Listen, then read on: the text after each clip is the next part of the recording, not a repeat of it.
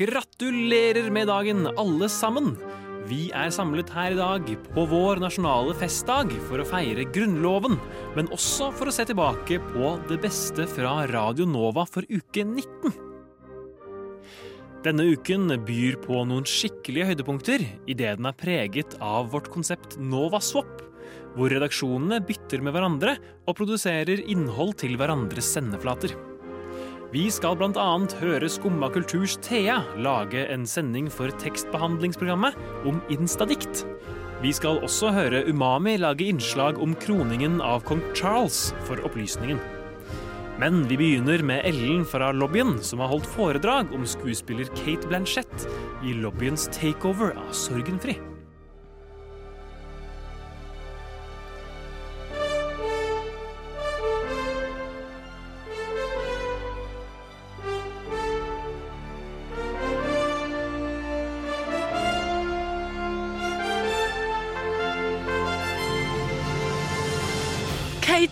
Elise Blanchett, kjent som Kate Blanchett, kom til verden den 14. mai 1969.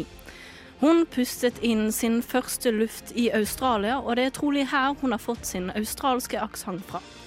Kate har begått guddommelige presentasjoner både på scene og lerret, og bl.a. vunnet to Oscarer. På siden er hun også mor, både for sine egne barn, men også i det skeive miljøet, hvor hun ofte blir tutelert som mami. Det er nok ikke tilfeldig, for det er mange som finner en trygghet i den 54 år gamle damen. Hun fungerer nokså bra som menneske, ja, men er det ett sted hun virkelig briljerer, er det i kampen for kampen, for Kate er en kjemper, aktivist, hun kjemper bl.a. for en ren atmosfære, og støtter jordkloden i sin kamp mot menneskenes forurensningsaksjon. Men en ren atmosfære handler ikke bare om gasser og farlige branner.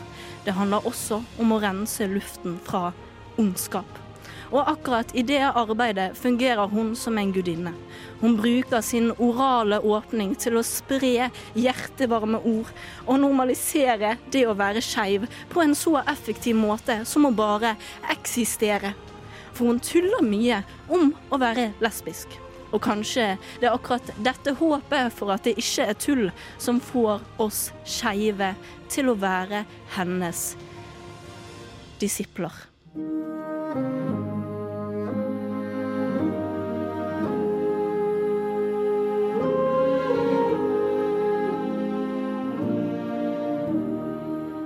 Der hørte vi Ellen fra lobbyen holde foredrag om skuespiller Kate Blanchett. Det neste vi skal høre, er ikke en swap, men en helt vanlig frokostsending hvor de snakker om famous last words. F. R. O. K. O. S. T. Frokost. Frokost.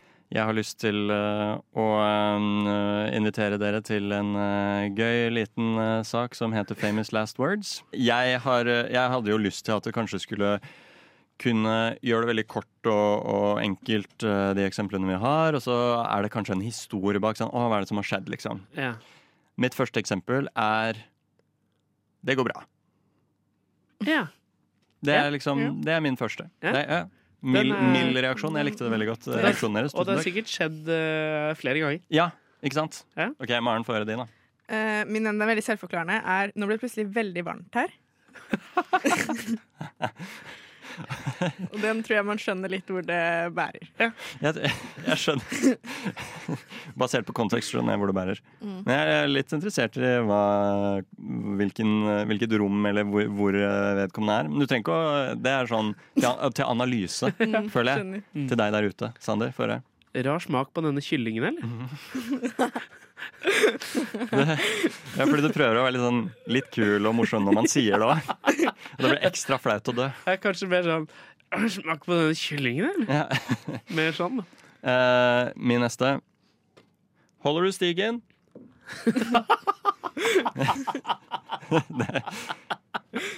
Det er gøy. Takk. Det er et godt bilde. Takk. Ja, det er et veldig tydelig bilde.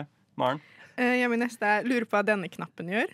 Så det er litt sånn Det var veldig bra. Det er litt sånn Isma Kronk feilspak-aktig. ja. Eh, Føre Sander. Nei da, det er helt vanlig spenningsnivå på reaktoren nå, tror jeg. For overtydelig. Nei, for overtydelig. Nei, jeg syns det var kjempefin. Takk. Jeg synes det var kjempefin. Takk. Men du kan ikke bare få skryt. Nei vel. Jeg er fortsatt bitter fordi jeg ikke fikk så god respons i stad. sånn. Ok, min neste. Mamma, se på meg nå! Åh, Den er veldig trist. ja. Den er ganske bra, da. Den er jo veldig trist. Ja, kjempetrist. Det er ikke meninga at alt skal være morsomt. Nei. Nei, det er sant. Har du en til, Maren? Um, jeg hadde egentlig ikke en til, så jeg spurte mamma som lytter om tips, og hun Ja. skrev bare 'mamma'. Så jeg vet ikke helt hva hun ville Nei, det var mye verre. Men, Det var mye verre. Ja, det var bare 'mamma'. Mamma. Mamma. Nei, nå, nå ble jeg veldig lei meg på ekte, Maren. Og mora til Maren. Du må passe på hva du sier. Mm. Sander, få høre. Jeg holder meg i samme landskap. Eh, jeg vet ikke helt hvordan USA tenker å runde av denne verdenskrigen. Det er veldig, veldig gøy. Ja. Jeg syns det var kjempebra. OK, jeg har eh, Kjære alle lensmann. Og det er kongen som får slag i løpet av talen. Harald. Sorry, Harald. Sånn gikk det. Hva var det? Hva var det? Ja, det var egentlig jeg har ikke noen flere. Maren din, nei, moren din Maren din har ikke noen flere ører. Nei, Maren min har ikke noen flere heller. Sander, får jeg høre hvis du har noe? Jeg har en til. Uh, dette er faktisk fra Abraham Lincoln. Blir dette teaterstykket mer spennende nå, så dør jeg. Jeg syns det var dritbra. Det var kjempebra. Det der var veldig, veldig bra. Herregud. Jeg måtte bøye meg ned bak bordet for å skjule hvor bra jeg likte det. OK, min neste er Hvilket hull?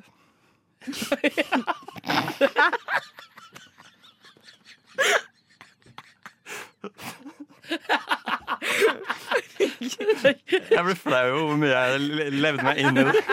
Kjempegøy. Kjempegøy.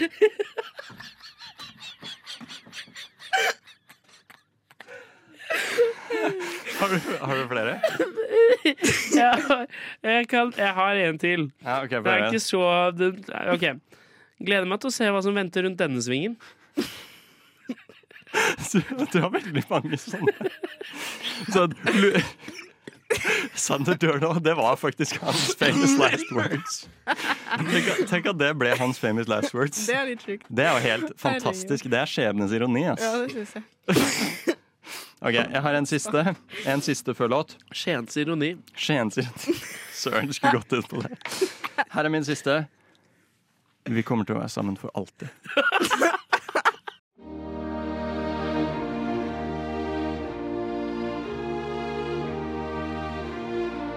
Videre til neste høydepunkt. Vi skal høre et utdrag fra Skummer Theas sending for tekstbehandlingsprogrammet.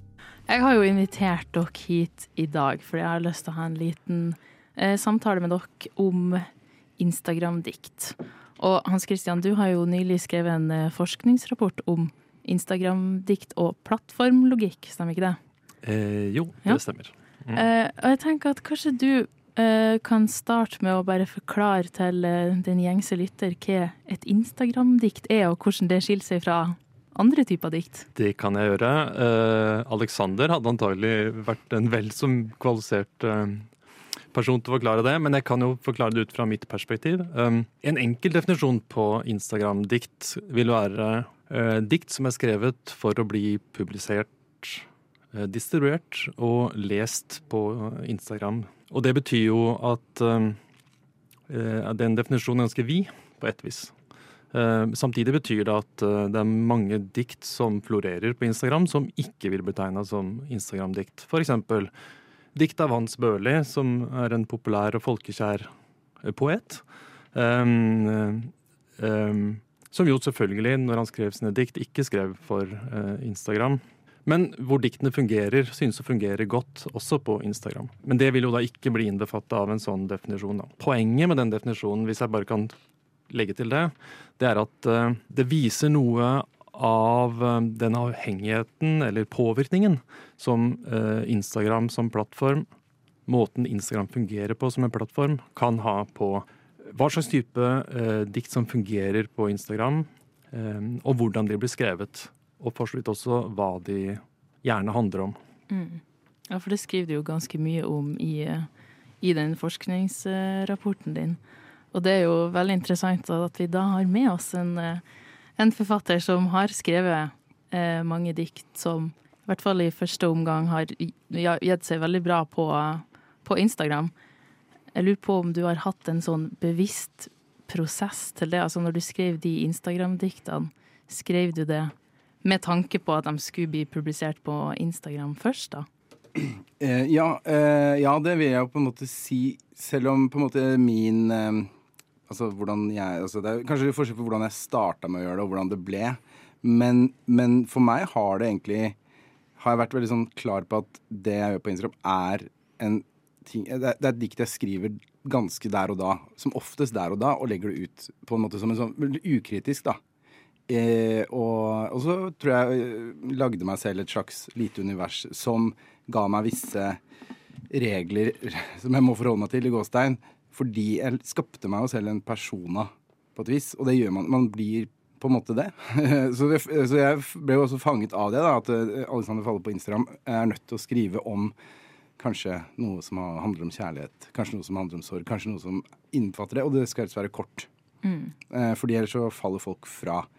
Så når jeg skriver disse diktene fort, så vet jeg jo hva, de, hva som funker. Men eh, for meg så ble det jo en sånn automatikk i det, og veldig lite som Jeg har nok vært veldig ukritisk i Og det har vært hele poenget mitt også, på en måte. Eh, ikke at jeg har hatt en Jeg har aldri hatt en klar strategi eller plan eller noe sånt for det. Det har jo vært et overskuddsprosjekt hele tiden. Og så, så ja. Jeg vet ikke om jeg svarte på spørsmålet, men uh... Jo, men Så du har egentlig på en måte overlatt det litt til algoritmene, da, kan man si? Jo, det Ja. kan man si. Og det skal vi sikkert prate mer om, men eh, for det er også når man eh, Før så føltes det som man hadde blitt mer kontroll på det. Eh, når de algoritmene begynte å forandre seg litt, og da Ja. mista jeg litt av det som var liksom litt gøy med det, kanskje. Mm. Mm.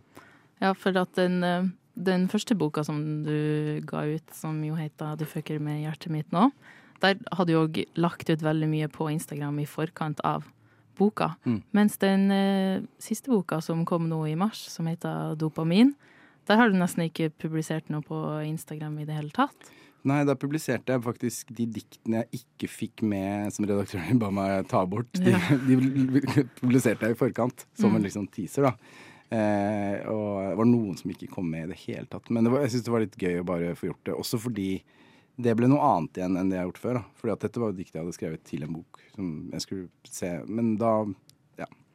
Kan ikke du fortelle litt om den, eh, den nyeste boka di, 'Dopamin'? Jo, nyeste boka mi, den handler jo i stor grad Eller den handler egentlig om en eh, ADHD-diagnose som jeg fikk i voksen alder. Så jeg er på en måte jeg som prøver å bearbeide det her på et eller annet vis. Eh, Ikke bearbeide, men jeg skriver om tiden Jeg går- ser tilbake, og jeg ser Ja, det kretser rundt den ADHD ADHD-diagnosen i veldig stor grad. Eh, og, jeg, der tenkte jeg også dikt, altså formen på det. Og det har jo vært også et liksom bevisst valg. Å, det er, en, det en ADHD Den er jo Det er ikke noe Rekkefølgen er ikke satt helt Det er liksom litt hulter til bulter, og det er Og det tenker jeg sånn Det er meningen, det er ingen unnskyldning, men det er meningen at boka skal være litt sånn fullproppa av greier og kjøre på, liksom. Fordi det har jeg også fått litt eh, kritikk for. At det kanskje kunne vært kortere. Men det, men det, det ville jeg jo ikke. Eh, så eh, ja. Det er boka.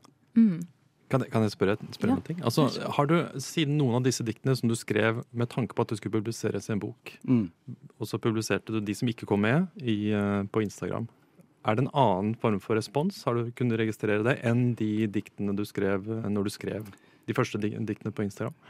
Ja, jeg, jeg tror det jeg, dem- jeg merker meg faktisk at det var andre, og kanskje folk jeg kjenner bedre enn de som kommenterte altså sånn, det var, følte at det var nærmere meg de som kommenterte og lika, enn det andre greiene, kanskje. Det, det føler jeg. også men i forkant av det, så det var, det var en stund siden jeg hadde skrevet noe særlig dikt på Instagram, egentlig, så det, var litt, det er litt vanskelig å si. Men det, var, det er jo en helt annen tematikk, da. Og, og på en måte en annen type dikt, kanskje. Litt tøffere. Mm. Bedre. Mm.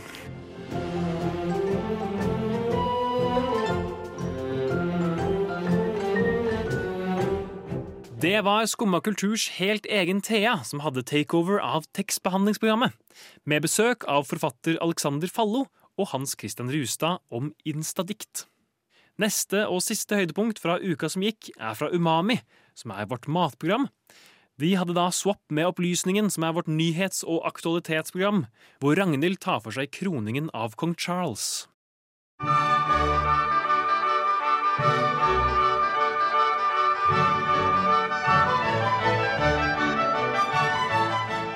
Sytti år siden dronning Elisabeth 2. sin kroning er det klart for atter ei kroning av en britisk monark. Lørdag 6. mai 2023 kjører ei vogn belagt i gull trukket av seks hester gjennom gatene av London i Storbritannia.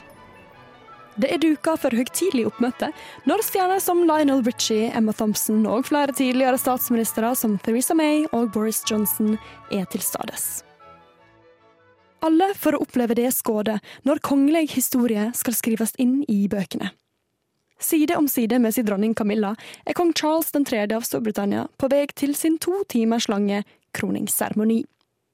Men hvordan går egentlig en slik kroning for seg? Hvem er Storbritannias nye konge? Og hva syns egentlig britene og resten av verden om dette i dag? Vi begynner med karen sjøl, Charles.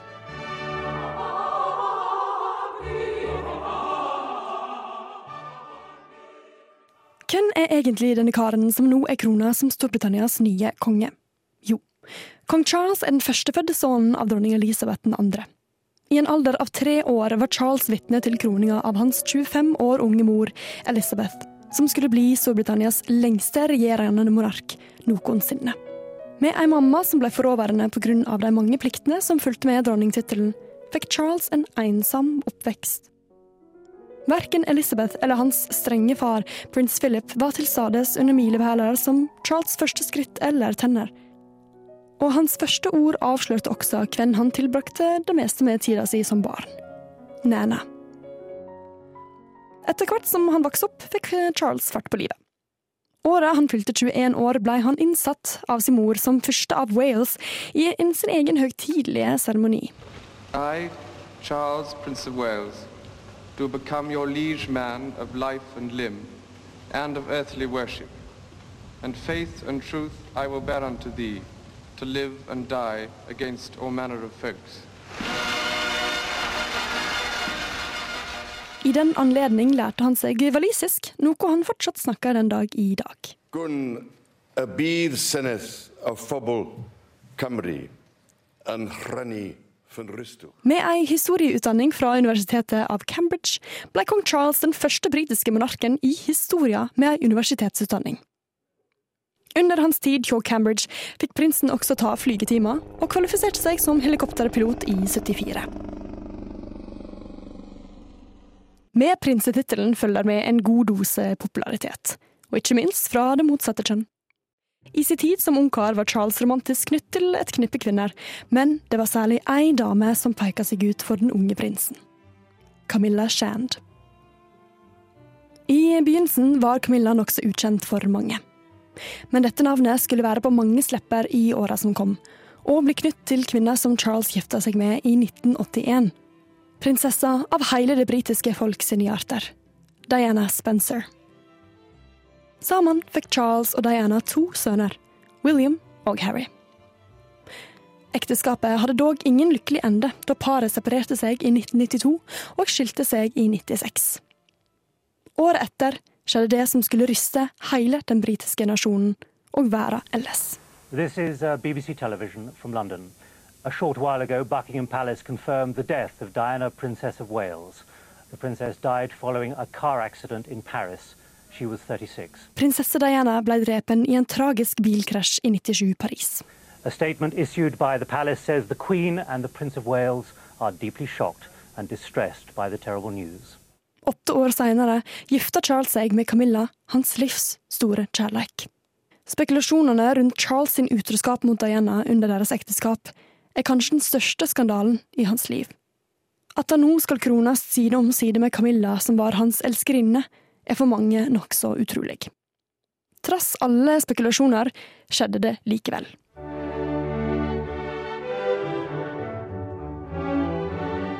Kroninga av kong Charles markerer den 40. gangen en britisk eller engelsk monark blir krona i Westminster Abbey. Akkurat i samme kirke som hans avdøde mor, dronning Elisabeth 2., ble krona i 1953. Kroningsprosessen er en eldgammel helligseremoni med flere steg. I første etappe synes kongen framfor alle til stades i kirka, som i retur tar han imot som den rettmessige kongen. I andre del skal han avlegge en ed i samband med bestemte lover og verdier som han må love å opprettholde som konge. Den tredje etappen er ikke for oss dødelige. Under salvingsritualet blir kongen skjult for alle tilskuere og kamera. Etter salvinga gjør kongen seg klar for å få den om lag 2,3 kilo tunge St. Edvardskrona plassert på hodet. Krona er såpass spesiell at den bare nyttes under kroninga, og et fåtall får ta på den. Helt til slutt blir kongen hylla av alle som er samla i kirka. God save the king! Etter kroninga sverger også prins William å være kongens liege man of life and limb, og Camilla får sin egen lille kroning.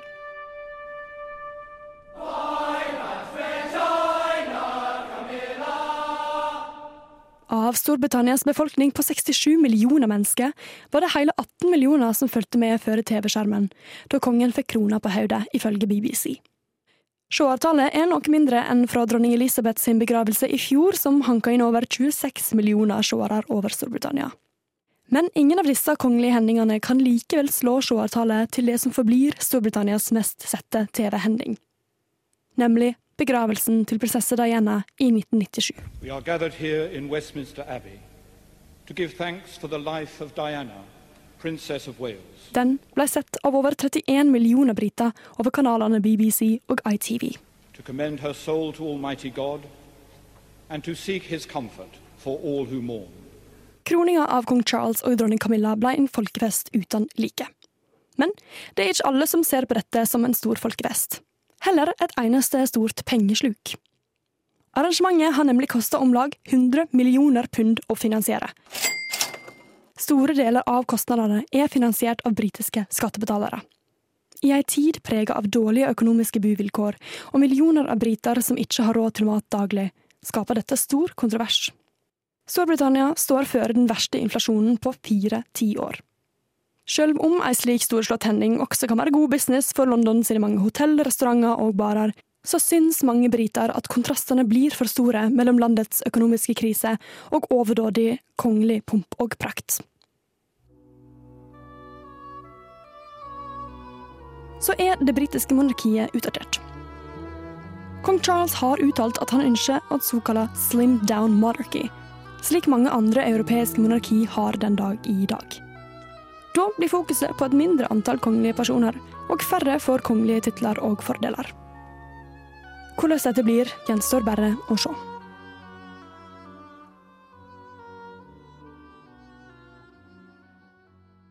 Dermed var det gjort. Storbritannia har krona sin nye konge. Og hva vil prege Charles' tid som konge i åra framover? Er monarkiet på vei til å dø ut? Alt dette vil vise seg i åra framover, når kong Charles 3. gir seg ut på rolla som Storbritannias nye konge.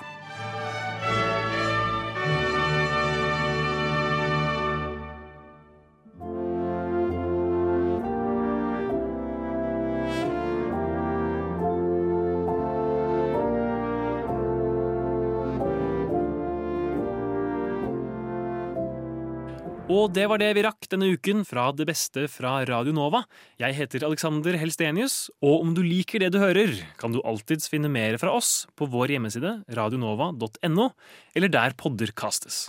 Takk for følget, og jeg håper vi høres igjen. Du har hørt på en podkast fra Radio Nova. Finn flere podkaster på din foretrukne podkastavspiller eller radionova.no.